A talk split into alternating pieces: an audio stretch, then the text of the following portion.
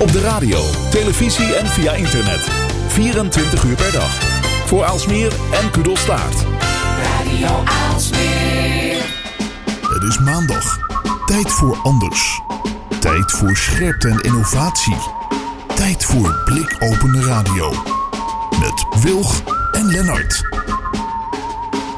Welkom, dit is alweer de 67e aflevering van Blikopener Radio. Mijn naam is Lennart Bader en vandaag is Magaidi Pinas onze gast. Zij is uh, oprichter van Borrow a Brand en dat begon oorspronkelijk als een platform om uh, een deeleconomie te activeren binnen de mode-industrie, waarbij mensen, uh, waarbij mensen elkaar kleding uitlenen. inmiddels is het omgevormd tot een rental service voor de modebewuste Nederlandse zakenvrouw. En daarmee helpt ze drukbezette vrouwen aan modekleding via een circulair systeem. We zijn benieuwd naar de blikopeners die uh, dat gesprek met Magaidi gaat opleveren. Ja, heel benieuwd. Past ook wel uh, bij Daan, eerdere gast die wij hadden. En circulaire economie. Ja. Hoe de wereld toch verandert. Mooi hè? Ja. Mijn naam is Esther Grond, beter bekend als Ed Wilg op Twitter. En vanavond hebben we verder in onze uitzending columnist Jilles Groenendijk, Ed Jilles op Twitter. Die ook de positieve kanten belicht van de coronacrisis. en vertelt hoe hij aan het streamen is geslagen. Jillis aan het streamen elke zaterdag, begreep ik. Ik ja. heb het nog niet gezien, maar ik ben reuze benieuwd. Nee, creatief met, uh, met Jillis uh, noemt nou. hij het al. Ja.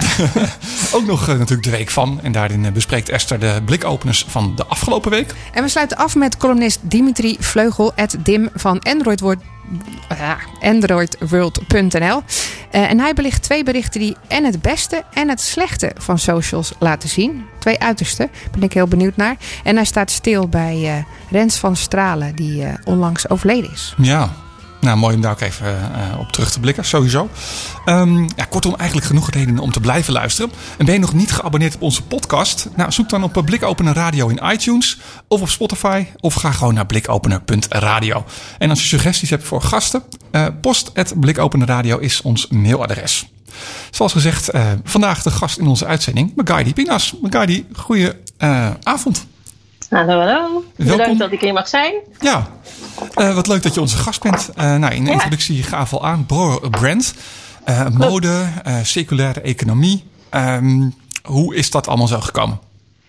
Ja, best wel grappig eigenlijk. Het is in de bioscoop ontstaan bij de film van Sex in the City. Okay. Ehm, daarin werd eigenlijk Tasser Rental geïntroduceerd. Het was 2008 toen nog. Um, en dat vond ik meteen al een heel goed idee. Dat je gewoon iedereen uh, toegang kan geven tot uh, kwalitatief hoogwaardige uh, ja, tassen in dat geval. Ja. Um, maar ik dacht van ja, waarom zou je dat niet op de mode dus breder kunnen toepassen? maar ik heb er toen niks mee gedaan. En het is altijd in mijn hoofd blijven zitten. En in 2018 dacht ik, nou ja, nu is het de tijd. Ook met die hele deeleconomie tegenwoordig. Um, en ik leerde ook uh, dat de mode-industrie gewoon echt uh, een van de meest vervuilende industrieën is van de wereld. Dus dan heb je en dat je mensen uh, kwalitatieve kleding kan, kan bieden. En daarnaast nog een steentje bijdraagt aan een mooiere mode-industrie. Dus dat heeft, me, heeft gemaakt dat ik de stap heb durven nemen. En dan, dan neem je een stap. Dan zeg je, nou, dan begin ik met iets die, die, wat, wat ervoor zorgt dat je, nou ja, dat, dat je de mode-industrie verandert. Maar ook dat het, dat het toegankelijker wordt voor mensen. Was dat, een, een, was dat idee, is dat het idee wat je nu ook uitvoert of, of begon het anders? Um, nee, het begon echt wel heel anders. Um, want ja, de duurzaamste kleding is eigenlijk de kleding die je in de kast hebt hangen. Um, en daarom wilde ik uh, een peer-to-peer uh, platform een succes maken. Dus meer uh, delen onderling. De kleding die jij in je kast hebt hangen, die je niet meer draagt, uitlenen aan een ander. Um, maar dat, daar is het voor Nederland denk ik toch nog iets te vroeg voor. Um, ik heb het een jaar geprobeerd en echt wel hele mooie reacties gehad. Um, maar ook heel veel vragen. En die vragen probeer ik nu te beantwoorden in het nieuwe, nieuwe model. En, en wat, is, wat is je nieuwe model? Het nieuwe model is echt een uh, service. Dus uh, business to customer eigenlijk. Dus wij hebben de kleding uh, fysiek hangen hier. Um, en wij zorgen ervoor dat de kleding uh, die geselecteerd wordt door vrouwen schoon, uh, op tijd, um, mooi, in goede staat uh, wordt geleverd. En uiteindelijk ook weer afgehaald als het gedragen is. Dus echt gewoon een hele dienst en ook volledig circulair ingezet. Ja. Moet, moet, ik dan denken aan uh, gelegenheidskleding? Dat klinkt een beetje bij wijze van als je als man een, een smoking huurt voor een, een event. Nee, of is het iets heel anders? Nee, het gaat wel echt om, uh, om uh, wat meer dagelijkse kleding. Um, zakenkleding in dit geval. Dat is ook dagelijks, want het, het, gaat echt om topvrouwen die dit model ehm, ja, kunnen aanmeten. Ehm, dus dan kan je je voorstellen dat je elke dag er mooi uit moet zien op je werk. Voor dat netwerkbijeenkomst, voor een bespreking of wat dan ook. Um, dus echt wel meerdagelijkse kleding dan, uh, dan uh, ja, wat jij voor, voor voorstelt. Zeg maar. ik heb me ook wel meteen, meteen ingeschreven, Lennart. Want ik heb ja? niet elke dag iets, iets chics aan. Er zit ook niet vast in mijn kledingkast. Maar ik moet af en toe op, op heel hoog niveau voor een board staan. Of een strategische sessie hebben. ja, moet ik daar dan een heel duur nieuw, iedere keer weer een nieuw soort outfit voor hebben? Dat, dan is dit natuurlijk ideaal. Want het ja. is ook zonde om dan ja, voor één keer zoiets aan te schaffen. Ja, en nu was ik laatst bij een bijeenkomst. Uh, ik, zal niet, ik zal niet zeggen welke. Maar toen had een uh, vrouw die prominent op het podium uh, komt, dus voor de tweede keer hetzelfde aan. En zij werd door de mannen aan mijn tafel er echt, uh, echt voor aangespro aangesproken, zeg maar.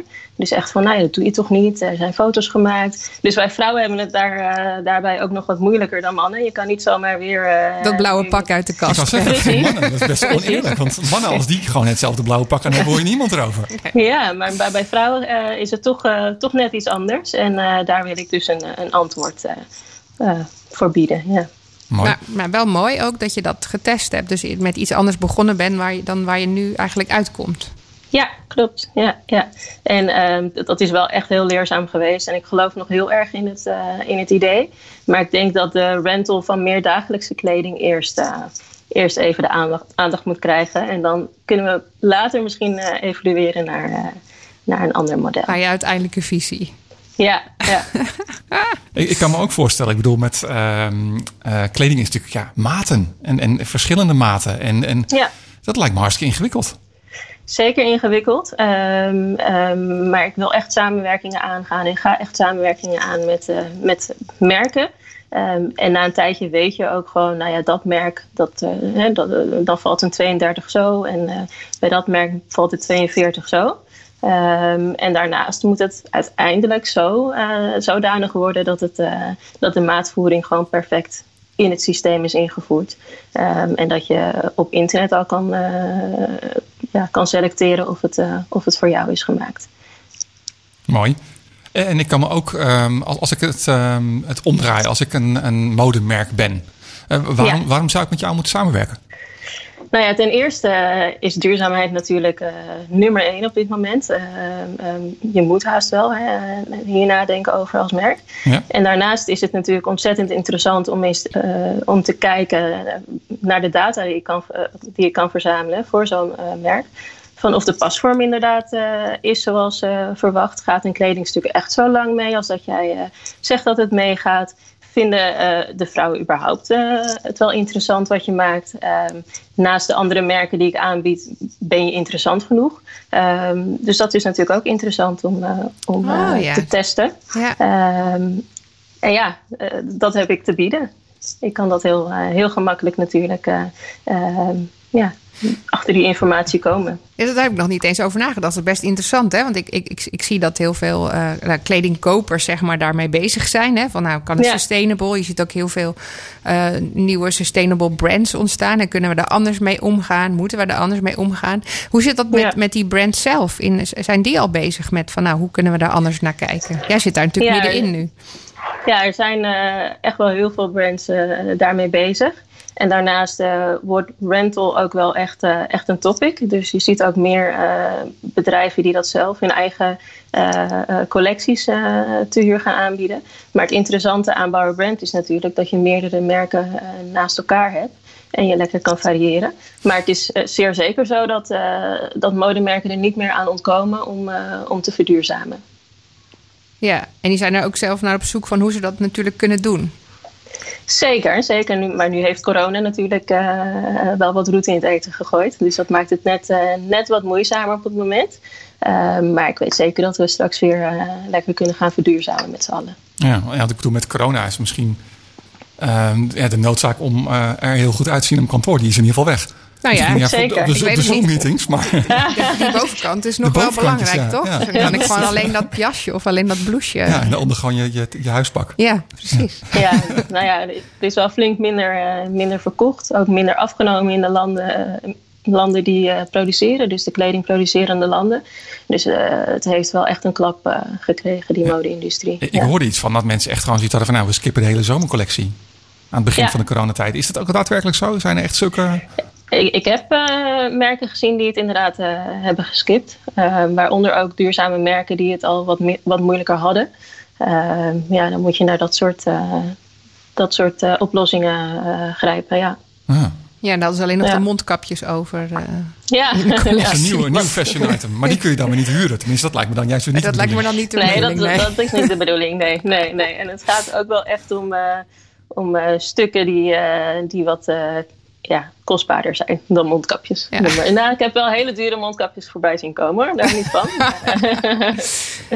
Hey, en en uh, Magaidi, want uh, meestal uh, vragen we ook wat meer persoonlijke dingen. Um, was jij altijd al uh, ondernemer? Of uh, hoe besloot je dit te gaan doen? Wat, wat was je hier?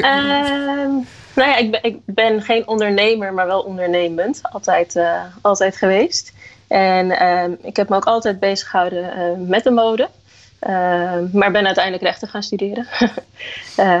en uiteindelijk dus achtergekomen dat dat, uh, dat, dat toch niet, uh, niet past. En uh, toen is toch die mode weer om de hoek gekomen. Ehm, ja, en dat, dat, dat, zo is mijn ondernemersverhaal begonnen. Ik kom wel uit een ondernemende familie, ehm, die me ook echt wel steunt. Dus ja. En, en, en, en ja, start-up zeg maar, is dat, is, ben je die ook al eerder op je pad tegengekomen? Of is het helemaal nieuw voor jou? Nee, ik ben het wel uh, tegengekomen. Ik, uh, ik ben uh, enige tijd bedrijfsjurist geweest bij een, ja, ik weet niet of ik namen mag noemen. ja, het is geen reclame denk, dus dat mag.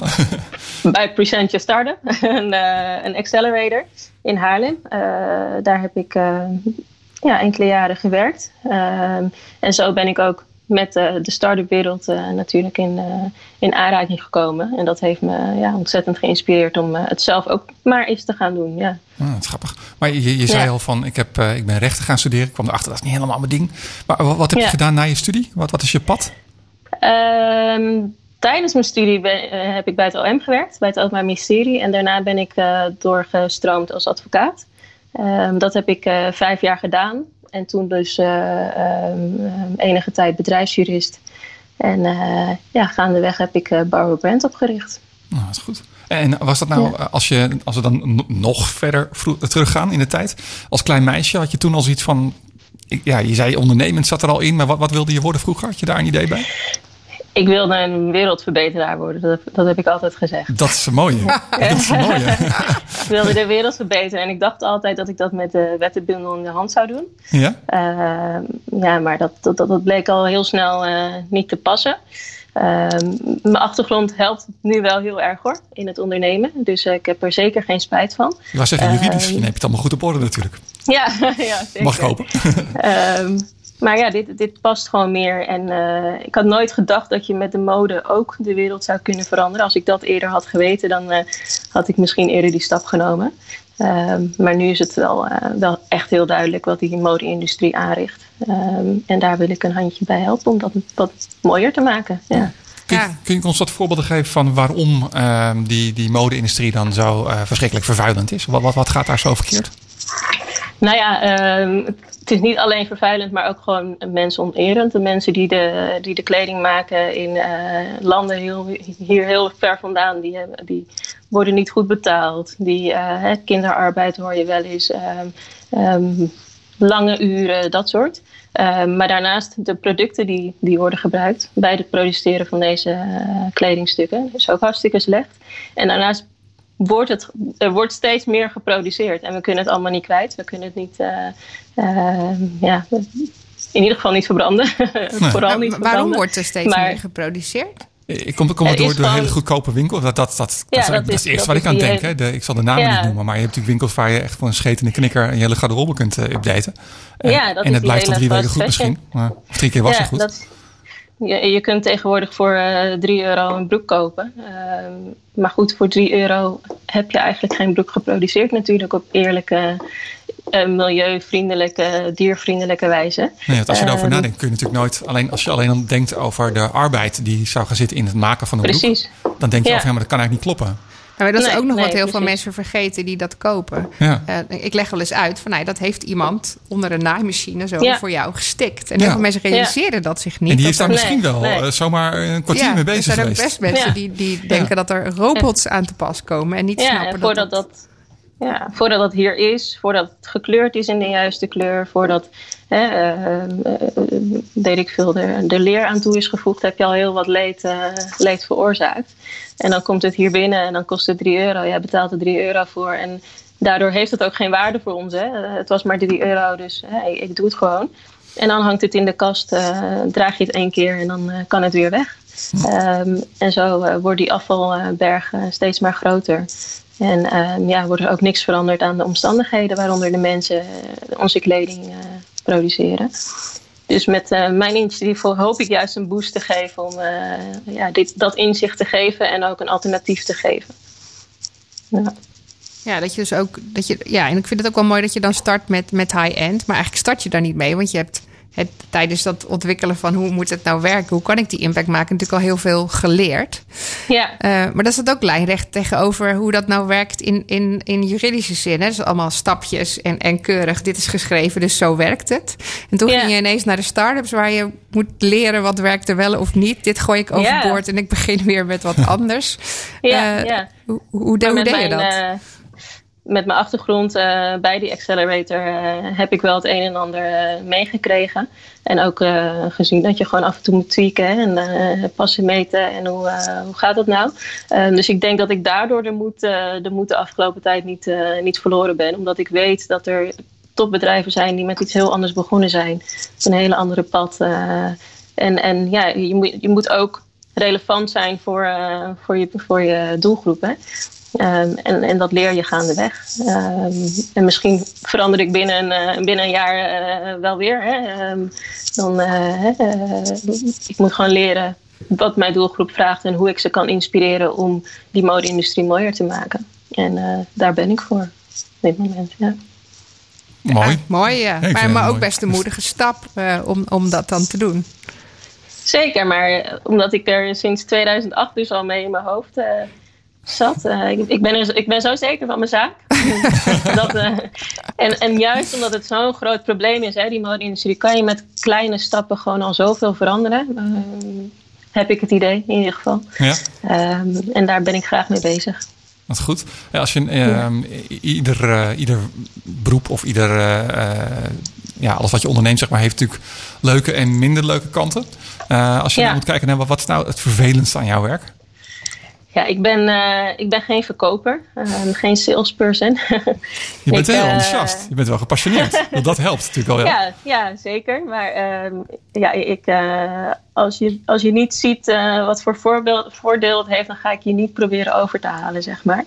Ehm, dus dat vind ik wel lastig. Eh, ik ben toch op zoek naar samenwerkingen. En ehm, dat is wel heel erg lobbyen. Ja. En daar ben ik eigenlijk niet zo van.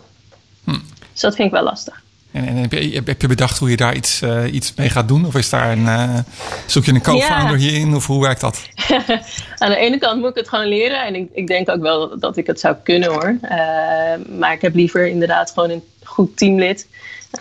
die dat gewoon heel graag doet en van nature ook goed doet. Ehm, dus ik ben ook zeker op zoek naar, naar een goed team om me heen. Volgens mij is dat altijd iets als on- ondernemer. Dat je dan zegt, nou dit kan ik niet. Maar stiekem kan je dat dan wel. Want je moet het gewoon doen om je platform te laten werken. Moet het ook gewoon? Zo te horen lukt je dat prima. Ja, Eh, ja. om, om ooit dan daarna een goed team neer te zetten... die dan weer jou aanvult met, met, eh, met skills, zeg maar. Ja, maar ik denk dat. eh, kijk, ik ben nu eh, niet helemaal alleen, maar wel eh, enigszins alleen. Ehm, dus dan moet ik ook. Ik moet wel. Ehm, en gaandeweg hoop ik diegene te vinden die eh, net zoveel passie heeft in het, in het veranderen van de wereld vanuit de mode als ik. Ehm, en dan komen er wel. En, en wat, is, wat, is, wat is voor jou succes? Waar, wa- wa- wat, wat, wat, waar word je heel blij van als, als er bij Borrow en Brand iets gebeurt? Ehm, ik denk dat ik nu heel erg blij zou zijn als ik eh, eh, mijn collectie helemaal klaar heb. Dus echt die samenwerkingen ben aangegaan met zo'n eh 10 tot 15 eh, duurzame lokale brands. Dan ben ik wel echt heel gelukkig. Ehm, want dan weet ik gewoon dat, dat ik de vrouwen die dit interessant vinden ook wat te bieden heb. Ehm, dus ik ben echt naar die samenwerking op zoek op dit moment. Nou, tof. Mocht er iemand luisteren die eh Bekai die kan helpen, dan eh, Ja, bij deze. ja. heel graag. Heb jij ehm, ehm, bepaalde mensen die je enorm inspireren? Of ja, helden is misschien niet het goede woord, maar waar, waar krijg je inspiratie van? Ik heb eh, gedurende mijn hele leven wel echt heel veel inspiratie uit eh, Oprah Winfrey eh, gehaald. Als heel klein meisje al. Ja, Ehm, er waren maar heel, heel weinig mensen, ik wil niet zeggen geen, maar heel weinig mensen zoals ik op de buis vroeger die het ook nog eens zo goed deden. Dus donkere dames hè, die, die, die de kans genomen hadden en zo succesvol zijn geworden. Ehm, en dat inspireerde me echt. En nog steeds wel hoor. Ja. Ja. Ik Ja. vind haar heel, eh, heel inspirerend. Ja. en zij heeft ook bizar veel voor elkaar gekregen ook. Ja, ik hoop nog steeds dat ze toch eh, voor president gaat. Maar volgens mij heeft ze aangegeven dat niet te zullen doen. Ja, er zijn weer andere kandidaten opgestaan, geloof ik. Ja, Ja, voor daar is het blijven moeten worden, is dat niet de vraag. Maar misschien ooit, ooit. Ja. ja, nou, wat goed. En, en Ja. ehm, je, je had er nog wat meer staan, dus dat vond ik ook wel grappig. Ehm, eh, maar ik vind eh, Oprah Winfrey wel heel mooi om, als, als, als, eh, als, als voorbeeld. Eh, Ja. Want het zijn toch, ehm, ja, hoe noem je dat, rolmodellen die je op een gegeven moment nodig hebt. Ja. Ik, ik, Ja. ik, ik, ik, had- noemde altijd mijn moeder. Maar die rolmodellen zijn toch belangrijk, denk ik. Eh, Ja. dus, dus zie jij jezelf ook zo als een, als een rolmodel voor andere ondernemers die dan toch ergens die stap moeten nemen van eh, ja, durf ik mijn veilige omgeving uit? Of, eh, Nou, ik hoop dat zeker wel te zijn. En daarom denk ik ook wel echt goed na met wat ik doe. En dat het echt voor een betere wereld is. Ehm, en daarnaast, ja, ik heb best wel een pad bewandeld. Hè. Ik ben advocaat geweest. En ook wel echt in een, in een eh, witte oude mannenwereld, zeg maar. Ja. Ehm, dat kan ik me Dus wel ik denk- voorstellen. ik denk dat ik al eh, op plekken ben geweest waar ik heb geleerd dat, eh, dat het nodig is om eh, verandering te brengen. Dus ik hoop eigenlijk al een beetje hier en daar een rolmodel te zijn geweest. Eh, maar in de toekomst eh, ja, hoop ik dat zeer zeker eh, vast te houden. Ja. Nou, goed. Ja, volgens mij ben je behoorlijk op weg, dus dat, eh, dat, eh, dat siert je. Ehm, z- zijn er dingen die, nog op je, ehm, eh, die je nog heel graag zou willen bereiken? Al dan niet met, met eh Borrow Brand. Ehm, nou ja, ik zou in elk geval wel, eh, wel topvrouw van het jaar of zo eh, willen worden. Dus, eh, gewoon dat je, dat je harder werken, zeg maar, een soort van... ja, Er- erkenning of eens- zo. Ja, Ja. precies. dat lijkt me echt wel heel tof. Ehm, en ook die vrouwen die dat worden, die zijn ook gewoon echt inspirerend. Dus ja, dat, dat lijkt me echt erkenning, inderdaad. Ehm, ja, er heeft heel lang opgestaan dat ik de Bermuda-driehoek eh, wil trotseren. Maar ik, ik, heb nu twee, eh, ik heb nu twee kinderen. Dus eh, hè, met al die verdwijningen daar eh, ga ik dat eh, nu niet meer doen. Maar eh, dat heeft er heel lang op gestaan. Ja, en waarom Ja. dan? Vanwege toch het iets exploreren? Of dan is het toch dat, dat stukje ontdekken wat in jou... Ja, nou, ik denk dat ik daardoor echt eh, door mijn broer geïnspireerd ben. Wij keken altijd van die complottheorieën en eh, dat soort dingen eh, vroeger. En toen hebben we elkaar beloofd, weet je, als we echt heel oud zijn, dat het toch niet meer uitmaakt hè, of je nou leeft of niet, zeg maar. Als je echt stok oud bent, dan gaan we gewoon die Bermuda-driehoek eh, over. En dan gaan we kijken wat daar nou echt aan de hand is. Dus dat hadden, we, dat hadden we zo afgesproken. Maar ik denk niet dat mijn kinderen dat eh, me later in dank zullen afnemen. Dus eh, nee, die is er af. Nee, nu ben je gewoon een rolmodel ook voor je kinderen. Precies. Mooi. Ja. Nou, wat gaaf. Als mensen meer over jou en over Borrow Brand eh, zouden willen weten, waar kunnen ze terecht? Eh borrowbrand.com en eh, ze kunnen me altijd mailen info at borrowbrand.com. Ik ga niet mijn telefoonnummer delen, maar nee, nee, eh, mocht je die willen, dan eh, eerst even mailen info at borrowbrand.com. Ja, dus voor samenwerkingen naar uh, info at Borrow- Borrow Brand. En als je je aan wil melden, dan eh, kun je naar eh borrowbrand.com. Ja, de website. Yes. Mooi. Hey, dankjewel voor je eh, Ja. interessante verhaal. En heel erg veel succes eh, toegewenst natuurlijk ook in eh, wat, eh, wat je allemaal nog gaat doen de komende tijd. Ja, ontzettend bedankt dat ik hier mag zijn. Graag gedaan. Wij gaan luisteren naar eh, een stukje muziek. En dan komen we zo meteen terug met eh, onze columnist Jilles Groenendijk.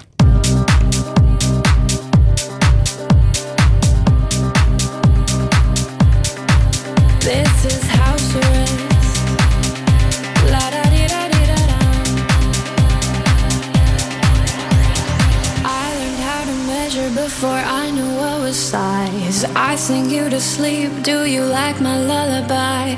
La luna de leche, treat your sadness with a smile. You can't have what's next till you hang with it for a while. This is house arrest. Come but wear your Sunday best. This is house arrest. La da di da di da da.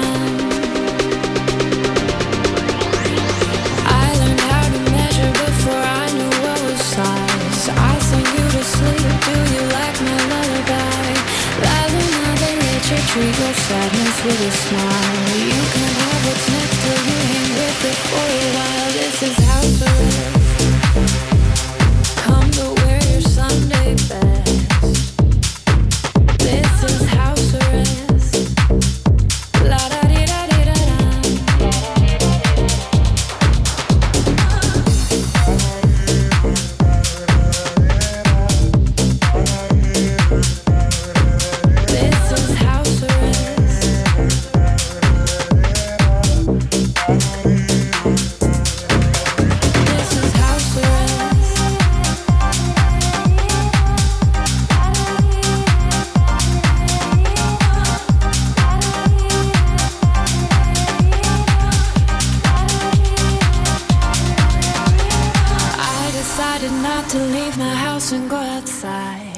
Stukje van Sophie Tucker en Gorgon City met House Arrest. Want we hebben natuurlijk iets veel interessanter in onze uitzending. En dat is columnist uh, Jilles Groenendijk. Jilles, goedenavond. Goedenavond, Lennart en Wilg. Nou, wat fijn dat ook jij er weer bent. Je hebt ook een van je eigen shirts aan, zie ik. I void warranties. Ja. ja. Ja, dankjewel. Dat, eh, ik, eh, het is geen handeltje of zo. Ik eh, verkoop het ook allemaal niet. Maar eh, dit is eh, ooit een keer bedacht. Maar ja, daar, daar- heb ik een hele aflevering al mee gevuld. eh, Ja, met, eh, met Ja. de stickers. House arrest. Dat sluit wel enorm mooi aan zeg maar, met mijn column. Ja, hè? Brandlos. Maar eerst nog even iets anders. Ik was inderdaad ooit Jilles. Maar die heb ik opgegeven voor Jilles underscore com. Oh ja. En een naamgenoot die bij me in de buurt woont, die heeft dat account nu. Eh Jilles. Eh, ik heb hem ook ontmoet. Een enorme techneut. Eh, en die is ook al op eh, erg jonge leeftijd gescout door Google. Nou, wat. Maar leuk. Zit in, what's Ja, in the ja, name? Ja. What's in the name? Ja, precies. De column. Hey, Jo Janneke. Ik zit nu inmiddels te streamen door de tips van jou. Wat leuk dat je er zoveel plezier aan hebt, reageert ze. Jo Janneke van der Bos. Apenstaartje Jo Janneke. Ik ken haar net als wilg en puur al sinds het, prille begin van Twitter. Jo Janneke is een enthousiaste, ondernemende, sterke vrouw die op haar op eh, enorm jonge leeftijd haar ouders is verloren. Ze heeft er een indrukwekkend boek over geschreven. Zo en nu ben je wees. De hele eh, situatie greep me toen al aan. En door het verlies van mijn moeder werd het be- eh, besef wellicht nog een stuk sterker. Ik heb diep, diep, diep respect voor haar. We volgen elkaar op, al jaren en een enkele keer eh, raken we in contact. Twee maanden geleden postte ze een video met de, de, de titel Wat als webcams eh, zijn uitverkocht, maar je toch wilt video streamen met je collega's. Ze maakte een coole, korte, duidelijke eh, tips. duidelijk hoe je het beste om kan gaan met deze veranderende tijd. In een tijd met thuiswerken, geluid, beeld, werkplekken kom je er al snel achter dat je niet alles voor elkaar hebt. Maar goed, deze video ging over streamen met collega's. En dat is iets waar ik, als ik echt eerlijk ben, na 100.000 blije Zoom-sessies wel echt helemaal klaar mee ben. De ingebouwde webcam in onze computer deed het niet supergoed. Iets dat we eh, bijvoorbeeld in de Skype-call met Lennart bleek. Het beeld werd onduidelijker naarmate het donkerder wordt. Dus een vervangende camera was echt op zijn plek. Zeker als ik een lezing deed aan de andere kant van de planeet in het midden van de nacht. Ik heb de camera gekocht die ze me heeft aangeraden. En de enige elektronica shop die deze kon leveren, heeft ook gretig gebruik gemaakt van de marktwerking. Voor veel te veel geld heb ik deze webcam gekocht, maar ik ben er super blij mee. Het is een scherper beeld dan dege- eh, degene die in deze oude computer zit. En zelfs bij gebrek aan licht doet hij het goed. Natuurlijk is het altijd beter om wel licht te gebruiken. Tijdens de coronatijd heb ik een aantal keer een workshop eh, veroorzaakt. Ja, veroorzaakt. Verzorgd. Verzorgd. Eh, voor kinderen van een hackerspace in Venlo en voor vrouwen in Cybersecurity Amsterdam. En omdat het lastiger te doen is eh, voor een camera dan voor live publiek, kost het ook meer tijd. Daardoor was de demo erbij ingescho- ingeschoten. Omdat deze demo toch een goede indruk geeft, hoe je kan bepalen wat de pinnen zijn die je nodig hebt om eh, contact te leggen met het apparaat, besloot ik hem te streamen omdat ik niet goed op de hoogte ben van de hedendaagse streamingtechnieken, koos ik voor iets makkelijks. Iets dat ik ken. Periscope. Dat zit tenslotte bij Twitter. Met een telefoon op een statiefje probeerde ik zo goed mogelijk mijn handelingen in eh, beeld te brengen. Eh, het ging allemaal redelijk, maar niet super optimaal. Ik had op dat moment nog niet de webcam eh tenslotte. Twee weken daarna wilde ik mede door de motivatie van Sylvia, mijn lieve vrouw, wel wat gaan streamen. En inmiddels had ik de nieuwe camera. Mensen hadden me al gevraagd om wat te delen, wat voor gekke dingen ik zoal doe. Dus ik bedacht dat het wel leuk zou zijn om zonder voorbereiding aan de slag te gaan met het cadeautje wat ik van onze hackerspace RefSpace had gehad. Een M5 eh, stack Atom.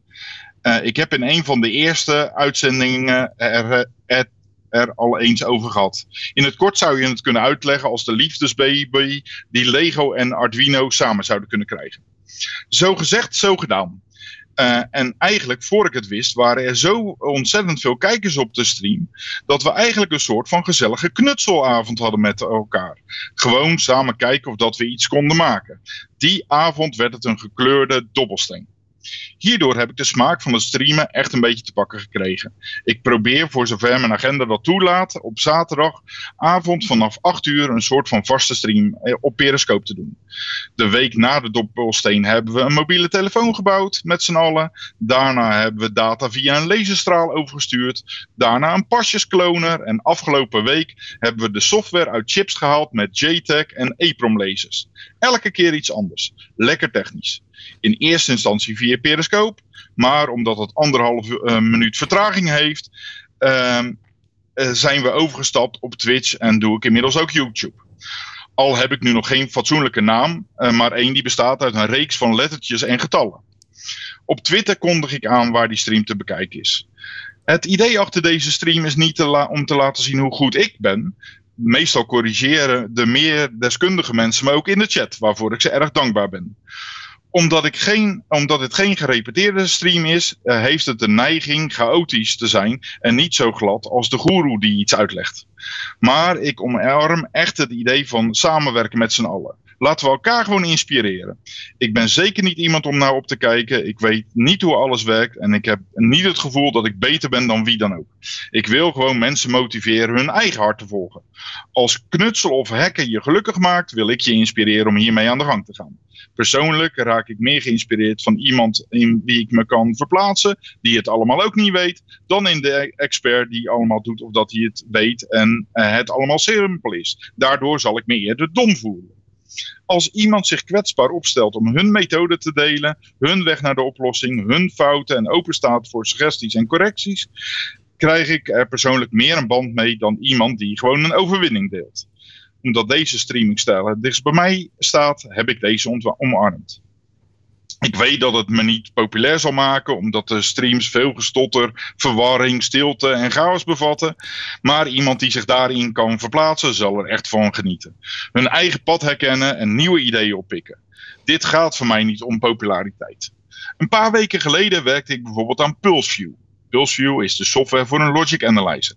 En ik vergat eh, de drivers met zadig te installeren. Ik wist niet hoe dat ik een M5 moest flessen, onderschatte de impact van het verbinden van een UART met RS485 eh, en werd gehackt door het delen van mijn API-key. Met de hulp van mensen in de chat hebben we het allemaal gefixt. We hebben enorm gelachen dit was een van de meest interactieve sessies ooit. Ik vond het geweldig. De stream voelt niet aan als mijn stream. Het is onze stream. Een groep gelijkgestremde mensen die plezier hebben op een zaterdag. Samen nieuwe dingen leren die ze nog nooit eerder gedaan hebben. In een tijd waar we elkaar niet persoonlijk kunnen zien, is dit iets wat ons met elkaar verbindt. Afgelopen week had ik een aantal lezingen en workshops staan. Eén voor Cyberbootcamp en één voor de Many Heads Club. En daarin werkte ik samen met Chrissy. Swordfish op eh, Twitter. Zij deed de gevorderde versie en ik de absolute beginners. De samenwerking werkte als geen ander. Ook de stream zaterdag hebben we samen gestreamd met de rest van de groep. Deze contacten heb ik te danken uit Scott uit Engeland, die ik tijdens een lezing ehm, eh, van Jurre ontmoet heb. Hij heeft me weer uitgenodigd voor de InfoSec Happy Hour op vrijdag. En zo ben ik weer in contact gekomen met Stoel van de Many Hats Club. En die bracht me weer in contact met Chrissy, omdat hij eenzelfde lezing zou gaan doen al met al contacten die ik nooit zou hebben zonder deze onvrijwillige opsluiting. Ik ben dankbaar voor al het moois dat het me heeft gebracht.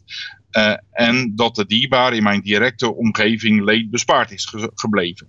Inmiddels zijn de teugels weer wat losser en worden de bijeenkomsten georganiseerd. Om eerlijk te zijn sta ik nog niet te springen om weer actief deel te nemen aan sociale fysieke contacten. Ik wil liever nog even de kat uit de boom kijken. Maar deze crisis heeft naast een hoop leed ook voor heel veel versnelling en nieuwe inzichten gezorgd. Daarnaast wil ik Dim nog even bedanken voor de Android-telefoontip van Jelle. En doordat Google compleet onverwacht heeft besloten een jaren oude Pixel-telefoon te vervangen, zit ik nu al een aantal weken op Android in plaats van iOS. Het is leuk om de verschillen tussen de beide ecosystemen te zien. En zo sluiten we de column ook weer af met Google. soms, soms denk ik dat jij gewoon in een hele andere wereld leeft dan ik. Zo'n soort wereld onder die van mij. en, ik, en, ik, ben best heel technisch, hè. Maar dat zijn gewoon dingen dat ik. Nee, ik snap het, want ik snap dat ook niet. Dus het is helemaal niet erg dat jij dat niet snapt tijdens je stream. je een, eh, iets moet flashen. Ja, geen idee. Ja. ja. M5. Ja. Ik moet wel zeggen dat het wel spannend is. Want het, het is echt improvisatietheater. Dus ik, ik zit hier met een aantal camera's en een, een bak met, eh, met allemaal dingen. En dan zeg ik van, eh, en jongens, wat gaan we doen? En dan gaat die bak open en dan roept er iemand iets. En dan denk ik, oh dit zou zomaar een hele avond eh, kunnen worden. Maar dan gaat er iemand iets googelen en die stuurt weer een linkje door. En, dan, en met z'n allen hebben we het gewoon gedaan. En dat is gewoon echt, echt heel leuk. Ja, dus je bent eigenlijk gewoon met z'n allen eh, alsof je eh, op een hackerconventie iets aan het elkaar. Ja, ja zoiets. Ja. alleen dan online. Dan online, ja, precies. Wel gaaf dat het kan, toch? Ja, zeker. En als mensen eh, dat nou, nu geïnteresseerd zijn geraakt, hoe, hoe kunnen ze ehm, erbij zijn? Hoe, waar kunnen ze je vinden? Als je op Twitch, jillis underscore com, op uh, Periscope, eh, Jillis underscore com. Op eh, Twitter, Jillis underscore com. en op YouTube, En als het goed is, over een paar weken ook Jillis underscore com. als, je genoeg, als je genoeg volgers hebt, dan kun je... YouTube even zoeken dus. Oh, dat, moet ik nog e- dat moet ik nog even zeggen. als je een oud YouTube-account hebt, dan had je meteen al deze rechten al. Maar als je een nieuw YouTube-account aanmaakt, dan heb je allemaal deze regels. En op den duur zei ik van ja, ik moet 100 volgers volgers hebben of 100 subscribers hebben, want eh, dan eh, doe ik dat. En dat is een soort van. eh do they know it's Christmas time? Help Jillis de winter door. Geef me eh, subscribe. Ik heb nu 178 subscribers al op mijn feed. en, en er stond er nog niet eens content op. Dus echt, nou, dit is zo bizar. Echt eh, hartverwarmend. Oh, wat leuk man. Wat goed. Ja. Hey, Jillis, dankjewel voor je bijdrage weer deze week Ja, aan, aan Blik gedaan. Opene Radio. Helemaal goed. Dankjewel. Doeg! En eh, zo gaan we door alweer met eh, de week van, eh, waarin Esther gaat eh, aangeven wat haar afgelopen week is opgevallen. Ja, afgelopen weken dan Weken, hè, was meervoud. het in dit geval. Ehm, ja, een aantal dingetjes. Eh, niet zozeer eh, een, een nieuwe technologie of een nieuwe app. Ehm, maar meer gewoon dingen om over na te denken. We hebben het al eerder in de uitzending gehad over een artikel van Rutger Bergman, Bregman op de correspondent over het water komt. En dat we wellicht moeten gaan nadenken over wat als nu de zeespiegel gaat rijzen. Hoe gaan we dat dan oplossen? Nou, ik, een van de oplossingen die, die toen. Ehm, en benoemd werd, was uh, bijvoorbeeld het afsluiten van de hele Noordzee en de Oostzee door een dam uh, tussen uh, Noorwegen en Engeland. en eentje tussen, tussen Engeland en, en Frankrijk. Nou, dan heb je meteen een hele grote binnenzee. Dan ben je van heel veel problemen af. Ja. maar dat was wel iets wat, nou, wat, hadden, wat hadden we er toen? Dat duurde iets van, van 100 jaar om dat te bouwen, geloof ik. En dat was redelijk drastisch. Was niet heel snel. Was niet nee. heel snel. Nee. nou, inmiddels is er wat. Um, ja, uh, haalbare, realistischere optie. Ja. Uh, en dat vond ik wel interessant. Dat heet de Haakse Sea Dike. Het, ik kan ook alleen maar artikelen in het Engels vinden, dus dat is wel heel grappig. Uh, de Haakse Zeedijk eigenlijk. Uh, en die is vernoemd naar uh, de, de, nou ja, de uitvinder daarvan, uh, Rob van den Haak. Daarom heet hij zo, de Haakse Zeedijk. en dat is eigenlijk niet zozeer dat hele stuk afsluiten, maar wat als we nou een dijk in de zee leggen, zo'n 25 kilo, 25 kilometer van de kust. Ja. Waardoor een soort bassin ontstaat uh, tussen het strand en die dijk. Uh, en die kan je dan uh, van, van, van het puntje van Nederland tot, tot ergens in de Wadden doen. Maar je kan ook zeggen, nou je doet, doet nog een stukje België en dan kan die tot aan Denemarken. Hè? Dus je kan ermee spelen. Maar, en dat is ook wat haalbaarder. Ja. Want dat zou dan makkelijker te leggen zijn. En je kan dus ook in, in stukjes spreiden om die dijk neer te leggen. Dus dan van 75 tot, tot 100 jaar zou je daarover moeten doen. Maar dan creëer je ook nou ja, een makkelijkere manier. En hoeven we niet meteen allemaal heel hard Europa en of Nederland uit te vluchten. vluchten omdat uh, de zee, uh, twee tot drie zeespiegel 2 tot 3 meter stijgt. En het is een oplossing om ook nog die rivieren. Uh, die we natuurlijk hebben in ons Ja. land, uh, gewoon in die bassins te kunnen laten stromen. Dus het is wat gereguleerder en haalbaarder. En dat vond ik wel een grappig initiatief. Um, en inmiddels uh, is de uitvinder uh, overleden, maar er wordt wel, uh, er wordt wel over nagedacht hoe we hier in Nederland moeten in, om mee omgaan, maar ook in Europa mee om moeten gaan. Ja. En dus als Engeland nou niet wil, dan kunnen we altijd nog de Haakse zeedijk neerleggen. Ik vind het een mooi initiatief. Ik was uh, natuurlijk op vakantie in, uh, in Friesland. Uh, en over de afsluitdijk gedaan, Ja. gereden. Niet helemaal bij nagedacht dat hij dus nu, zeg maar... Um, uh, opgeknapt wordt, Ja. hè, verhoogd wordt. Ja, dus ietsje verhoogd, file en zo en dat soort dingen. En toen ook weer even in gaan verdiepen van hoe dat eigenlijk gegaan is en hoe je zo'n um, enorme dijk, hoe je dat dan bouwt en zo. En meneer Lely van de Ja, Lelylaan en ja, zo, dat hij zo belangrijk was daarin. Dat was een stukje, stukje inzicht. Maar Ja, historisch gezien hebben wij natuurlijk heel veel met dijken en hoe we dan ons land daartegen beschermen. Dus dit zou, Ja. zou een mooie nieuwe stap zijn in uh, hoe kunnen we dat dan weer uh, doen. Dutch Ik vind het heel intrigerend hoe we hier nu mee omgaan. Want ja, er is nu voorspeld dat uh, tussen nu en 60 jaar we, we toch ergens moeten gaan beginnen.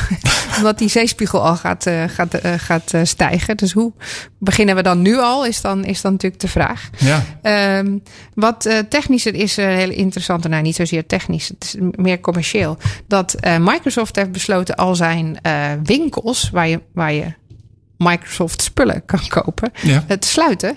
En Oh. alleen nog maar experience centers uh, te maken van, Ah. die, van die retail stores. Nou is natuurlijk de vraag hoeveel ze nog echt kunnen verkopen. Omdat het natuurlijk voor, voor de, voor, nou ja, voornamelijk op software zit. ja.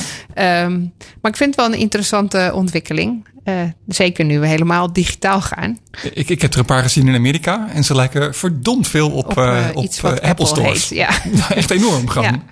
Maar goed, Apple, verkoopt daar nog wel dingen. Maar het is de bedoeling dat Microsoft daar volledig zogenaamde experience stores van maakt. Hm. Wel een interessante te move. Uh, en er- ik wil het hebben over een artikel dat ik uh, las. Um, dat is een gesprek met um, de Denker des Vaderlands. Uh, dat Mooie is een titel. ti- Ja, dat is een titel die meegegeven gegeven wordt aan een filosoof... die dan uh, uh, twee jaar lang de Denker des Vaderlands wo- wordt. En dan dat gaat uiten waarom filosofie toch wel belangrijk is in onze wereld... en wat, Ja. wat filosofie kan bijdragen aan onze maatschappij. En dat is nu is onze Denker des Vaderlands. Ik wist niet of je dat wist. Nee. Daan Rovers. En Daan Rovers die... Uh, nou, zij is, is eigenlijk heel erg bezig met hoe kunnen we. Um, ja, hoe kunnen we dat maatschappelijk inzetten en waar moeten we dan over nadenken? Nou, uh, uh, Menno ging in gesprek met Daan en zij, zij heeft een aantal stellingen over uh, de coronacrisis en hoe we daar nu mee ingaan, die best interessant zijn om over na te denken. Ja. Um, en, die, en die stellingen zijn, nou, we gaan ten eerste gaan we van mobiliteit naar nabijheid. Want eerst was het zo, hoe verder weg je kon reizen en hoe meer wereldreizen je kon maken en hoe verder je van je werk kon wonen, hoe interessanter het was. Hè. Dus gaf je een bepaalde status. Ja. Maar misschien moeten we nu wel weer naar een status waarvan je zegt, nou, hoe dichter alles bij jou in de buurt zit, hoe beter het is, hoe meer geluk je hebt. En zij ziet een soort verschuiving daarin. Minder reistijd. Nou, niet alleen minder reistijd, maar ook uh, hoe interessant is het om die wereldreis te doen? Of is er bij jou, ja. is bij jou in de buurt ook interessant genoeg? Ik, ik weet nu bijvoorbeeld dat Friesland echt fantastisch mooi is. Nou ja, ik vind het ook wel... Als je als meer gewend bent met de eilanden en de pool en dat soort dingen... dat je in Friesland helemaal je hart op kan halen. Ja, of dat misschien... Helemaal. Misschien Asmeer ook wel heel mooi is, bijvoorbeeld. Ja, ja nee, precies. En dat, ja. uh, dat past ook weer bij een aantal andere filosofen die zeiden uh, van... nou, is dat dan vrijheid dat we elke zomer met z'n allen naar de Franse kust rijden? Of is die vrijheid juist dat je besluit... hier in de buurt kan het ook mooi zijn? Zeker. Uh, en, en niet hoeven reizen, dat is pas vrijheid, zegt Ja. zij dan eigenlijk. Nou, dat vind ik wel heel mooi. Um, en de tweede stelling vind ik wel interessant. En dat staat: wij leren maat houden. En dus we moeten eigenlijk onszelf uh, een soort maat opleggen. En dan bedoelt ze dat niet in, in uh, nou ja, wat we natuurlijk gewe gewend, uh, gewend zijn in, in onze ouderwets protestante geloof. Onszelf maat opleggen, minder alcohol en dat soort dingen. Nee, Ja. maar zij bedoelt juist welke dingen hoef je niet te doen. Hè, welke vrijheden zou je zelf op kunnen geven? Omdat dat anders ten koste gaat van anderen. Dus moet je dan nog wel in dat vliegtuig stappen om, om dat feestje te vieren? Of, of hè, ga je, is er iets anders belangrijk? Of, nee, dat, dat soort maat eigenlijk. Uh, en zij zegt. Uh, als je erover nadenkt, hoe we dat in de coronatijd hebben gedaan, gaat dat ons eigenlijk best heel goed af. Mensen zijn er echt over gaan nadenken. Moeten we dat dan nog doen? Ja. Uh, of kunnen we het ook anders oplossen? Ja. Hoeft het misschien niet? Ja. Kunnen we die maat houden? Nou, dat vond ik wel, uh, vond ik wel een hele interessante. Nou, en als, uh, uh, als een van de stellingen geeft zij ook aan dat de, er is een herwaardering van de wetenschap. Nou, daar, daar ben ik het natuurlijk wel mee eens. En dat, dat wil zij graag duidelijk maken. Dat dat een goed ding is van deze crisis. Dat wetenschap nu wel weer um, gewaardeerd zijn, wordt als iets waar je dus verder op kan bouwen. Terwijl het eigenlijk een tijdje uh, door populisme ook weg is geweest. Dat wetenschap wat minder interessant, wat, interessant is. Nou, dat artikel is gewoon heel interessant om, om te kijken. Um, uh, als laatste zegt zij nog: we beseffen dat we niet losstaan van de natuur. Dus dat, het, het komt wel uit de natuur, die crisis, maar het, wij met z'n allen hebben ervoor gezorgd dat het zo verspreid werd. Ja. Uh, en, en dat we er met zoveel zijn, heeft ook effect op ons en de natuur. Dus daar moeten we ook opnieuw naar gaan kijken. Het is een heel interessant uh, artikel. Um, Waar kun je het vinden? Het ik kun het vinden op de, op de VN. Nu de coronaregels minder streng zijn, moeten we onszelf leren matigen. Zo heet het artikel. En ik zal het later ook nog even delen op uh, onze Twitterstream. Nou, wat mooi. Ja. Tot zover de week van uh, Wilg. Uh, en daarmee uh, is het tijd geworden voor ehm, onze afsluitende columnist van vanavond. Het, het toetje zoals het zou zijn als het helemaal niet was. Maar in dit geval ehm, Dimitri Vleugel, Dim. hoi. hoi. Vroeger zei ze al last, last best. Ken je dat? Last best? Ja, wil, wil je heel graag dat ik dat zeg? Of? nee, maar die druk kan ik niet aan. nee, uh, dat, dat geeft Wat niet. leuk dat jij naar Friesland bent geweest. Jij bent best wel een wereldreiziger dat je dan toch naar Friesland gaat. Dat vind ik goed om te horen. Ja, uh, ik vond het heel mooi. Je bent, je bent toch een beetje mijn rolmodel en ik hou niet zo van reizen. Dus dat betekent dat ik dat ook... Oké, uh, ja jongens, ik, ik, ik, um, ik, zoals aangekondigd, ik ga het hebben over de mooie en, en slechte kanten hebben van, uh, van, van social. Um, uh, ik heb daar twee voorbeelden bij. Wat je nu ook ziet is dat heel veel mensen door de hele coronacrisis en de 17 miljoen zelfbenoemde virologen uh, uh, soms uh, Twitter en dergelijke wel een beetje links laten liggen, omdat het allemaal een beetje te veel wordt en negativiteit en, en protesteren is tegenwoordig een soort tweede tijdsverblijf geworden, omdat we niet meer voetballen, geloof ik. Iedereen heeft wel ergens een, mening over. Um, ik, kwam, ik kwam eigenlijk de afgelopen dagen twee dingen tegen die met social te maken hebben. Um, en, en, en rouwen. Uh, die ik wel heel opvallend vond. Ik, ik, wil beginnen met iets, iets wat iets verder van mijn bed uh, is, zeg maar, wat me wel opviel. Uh, en dat is het overlijden van Rackful. Rackful is een, een, streamer, vooral op Twitch.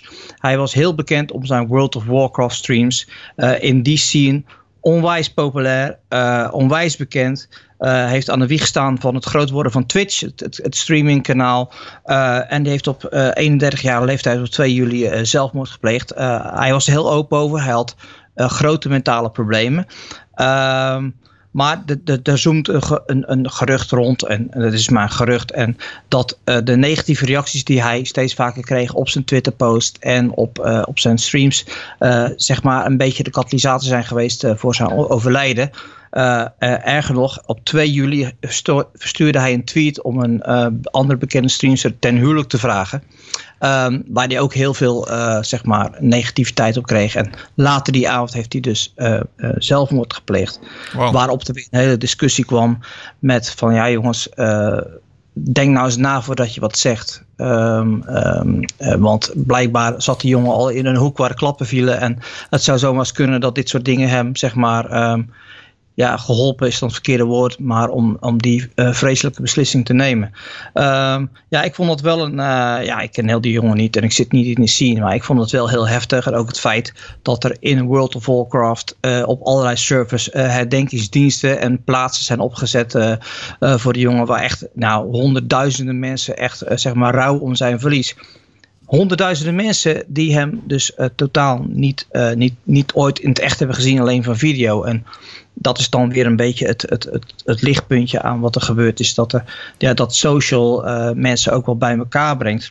Maar ook, ook en ironisch bijna, Dim. Want ja. als die jongen had geweten zeg maar, uh, ja. dat zoveel mensen wel uh, leuk vonden. Of, uh, dat, dat, of waardeerden, ja. Waardeerden. Dan, het is natuurlijk altijd maar een klein percentage mensen die zeik om het zijn, of azijnzeikers zijn, of, of nou, ja. toetsenbordridders, nou, of hoe je ze noemen wil. En het is natuurlijk heel makkelijk om als creator, of het nou een artiest is, hè, wat ik uit mijn, mijn werkveld weet.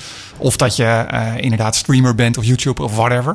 Het is heel makkelijk om je te laten leiden natuurlijk door uh, die paar mensen die heel verbaal zeg maar iets negatiefs zeggen. Dat blijft hangen. Ook al ben je de beroemdste DJ van de wereld, dan is dat misschien wat je nog wat je bij blijft staan. In plaats van de, de, nou, de overvloed aan reacties die wel positief zijn. Nou, dat, dat is ook zo. op, op um op Reddit stond, stond, er ook een stukje van iemand schreef van hij zou eens moeten weten hoeveel harten hij geraakt heeft. Dat is even vrij tijd tot Engels. Hoeveel hart hij heeft geraakt. Misschien zou hij dan daar toch weer net dat stukje kracht uit kunnen halen om, om het niet te doen. Uh, maar nog steeds, weet je, uh, uh, depressiviteit is, een, is echt een vreselijke ziekte. En ja, en ja, soms is er, er, was blijkbaar geen redden aan. Het is echt vreselijk om te horen. Ja. Maar ja, zo, zo iemand is er dan niet meer. En dan zie je achter, ook een beetje achteraf gelul, als ik het zo mag zeggen. Maar goed, het is, het is gewoon heel erg. Um, dan kom, kom, ik bij het volgende uh, sterfgeval. En dat is iemand die wij allemaal kennen. Jullie ook. Hij is al eens een keer te gast geweest. Jullie het overlijden van uh, Rens van Stralen. Ja. Uh, Rens van Stralen was de, de digitale mediacoördinator bij RTV Noord. de omgeving Groningen. En... Um, hij heeft daar heel veel betekend voor die omroep. Hij heeft dat echt vanuit het, eh, het, het analoge tijdperk naar het digitale tijdperk gebracht. Rens, was huge op uh, Snapchat. Daar was hij heel actief in. Ik heb hem daar ook gevolgd, zo, zo, zolang ik nog op Snapchat zat. Ik had wel eens contact met hem als hij een vraag had over Android en dergelijke. Ik heb hem ook wel eens beloofd naar de social media avonden te komen die hij organiseerde. En dat heb ik helaas nooit gedaan. Um, en Rens is, Rens is overleden. Uh, Rens is, um, uh, bleek, dat wist ik niet, bleek al een paar jaar ziek te zijn. Uh, als, als ik het goed had, was het, eh, was het, was het, was het kanker, maar dat doet, doet niet zoveel toe. En Rens is er niet meer. Uh, ik heb Rens dus nooit fysiek ontmoet. Ik heb hem niet veel gesproken. Maar dat kwam zo hard binnen bij mij, omdat het zo'n leuke, lieve, amabele man was. Jullie hebben hem volgens mij wel een kind echt gezien. Ja, hij is een paar keer in de uitzending geweest, ja. Met, ja. met Wouter, en, met zijn zoon. Met zijn zoon, inderdaad. ja. Ja. Precies. En, uh, en ja, dat maakte zo'n indruk op mij um, uh, dat ik hem niet gezien heb, maar dat ik toch dat, dat gevoel kreeg van ja, toch wel verdriet. Um, um, en ook de mensen die hij uh, zeg maar bij elkaar gebracht heeft online. Hij had echt een, een hele clan om zich heen op dat Snapchat. Ook met het uh, social media club in uh, Groningen. maar hij heeft heel veel mensen enthousiast gemaakt, geholpen en in het hart geraakt. En dat vond ik prachtig. Ook, ik wil even een compliment maken. Ik weet dat ze dit misschien wel hoort of terugluistert aan Annelien, Annelien Pol. Zij komt ook uit Groningen, ze kennen hem goed. En ze heeft een heel leuk filmpje gemaakt met allemaal uh, reacties van mensen op zijn dood. Allemaal een soort ja, eerbetoon aan hem. Dat heeft ze naar de familie gestuurd. Dat heeft ze echt heel goed gedaan. En dat was ook een heel mooi cirkeltje, zeg maar, om dan al die mensen weer bij elkaar te brengen. Om hem en, zeg maar, de laatste eer te, uh, uh, te bewijzen. Maar het, het, het is een mens die heel erg gemist zal worden. Dus, um, en ik vond het zo frappant dat ik hem dus niet ken, nooit gezien heb. ehm, hè, want kennen en kennen is twee dingen. En dat ik er toch zo door geraakt werd. En dat vind ik dan wel weer de mooie kant eh, van social. Ehm, ja, dat eigenlijk. Ja, dat je dan Herkenbaar, eh, Dim. Ja. En we hebben hem wel eh, een paar keer ontmoet, maar ik was echt wel van slag inderdaad toen ik dat hoorde. ja, ja, ja, ik Ja, vooral omdat je misschien juist doordat je hè, eh, Snapchat, het is, eh, stories, dat, dat dat toch heel direct is. En dat je je dat dan toch heel erg verbonden voelt voor, door, met iemand. Omdat je zo'n ja, heel dichtbij inkijkje in iemands leven kijkt. Dat, ik Ja, denk echt wel dat maar- dat, eh, Nou, dat, dat meehelpt. Ook het feit dat hij, eh, hij was continu bezig om die stories te maken eh, met zijn zoon. En, en dan als hij thuis kwam en op vakantie en, en op zijn werk en hij vertelde er heel veel bij. Dan is er echt het gevoel dat je naast iemand loopt. Hè? Dat krijg je dan echt. Ja. En dat die, dan, dat die man dan gewoon dood is, dat is zo stom definitief. Ja, maar je Eh, gaat, dat, dat, je, daar ga je ook wel naar zoeken. Hè? Want ik hoorde dat dan van Lennart. Ik had dat niet meegekregen in eerste instantie. Dat was ook best schrikken. Hoe ga je daarmee om op die socials? Want dan Ja. ja, moet je dan als partner dat aankondigen op. op hè? Want het is misschien Ja. niet voor iedereen evident binnen een week. Dus Nee. waar, waar Nee. zet je dat dan? Eh, m- Ja. Moet je daar Snapchat mee updaten? Moet je dat aankondigen op Instagram? Dat lijkt me ook best lastig. Ja. Ja, ik zag LinkedIn heeft hij uit een bepaalde quote eh, ehm, had hij. ehm, die eh, ik nu even. Oh ja, if everything seems under control, you're just not going fast enough. Ja. Eh, de- die quote is, komt overal terug. En dat vind ik wel mooi. De- Op LinkedIn, ik zie hem hier op Twitter staan. Het Rens de Mens. eh, en hij stond ook al op, eh, op, eh, op Instagram. Weet je, en dat is dan, dat is wel, eh, dat is dan wel mooi. En dan kan iedereen daarop reageren of liken of een commentaar geven. En dan hoef je als familie zeg maar, daar ook niet echt iets actiefs mee te doen. Nee. Maar ik weet wel dat, dat de actie, en waar ik heel fijn ook heb aan het mogen bijdragen van Annelien, eh, dat die echt heel, door de familie echt wel eh, goed is ontvangen. En dan, weet je, dan heb je ook als community iets gedaan en dan kun je het voor de rest gewoon het rouwen aan de familie overlaten. Maar dat, ik vond het, eh, ja, ik, ik, vond het, ik vond het heftig. Het zal niet de laatste keer zijn, maar dat dan, het was wel een. ja, ondanks dat hij overleden is, ge- geeft het mij dat dan toch weer het gevoel dat social, dat, dat er meer goeds is door social dan slechts. Ja, dat het mensen samenbrengt ook. Ja, precies. Dus, Ja. Dus, dus ja, dat. Dus, ben ik op tijd? Ja, hè? Precies. Dim, dankjewel. Als mensen jou willen volgen, at Dim. Ehm, Twitter, Twitter. Dim underscore NL op Instagram. Ja. Hartstikke goed. Hey, dankjewel voor je bijdrage. En daarmee eh, zijn we aan het eind van eh, deze aflevering Blikopener Radio. En ook aan het begin van onze zomerstop. Ja, dus in plaats van eh, fijne week wens ik jullie een eh, fijne zomer. We zijn er eh, 31 augustus. eh, zijn we er weer met een, eh, een nieuwe aflevering van, eh, van Blikopener Radio. Dus eh, genoeg aflevering ook nog op onze podcast om terug te luisteren. Eh, terugluisteren kan ook via de site blikopener.radio. En natuurlijk kun je je abonneren eh, via Spotify of via iTunes. Zoek dan even op Blikopener Radio. Fijne zomer.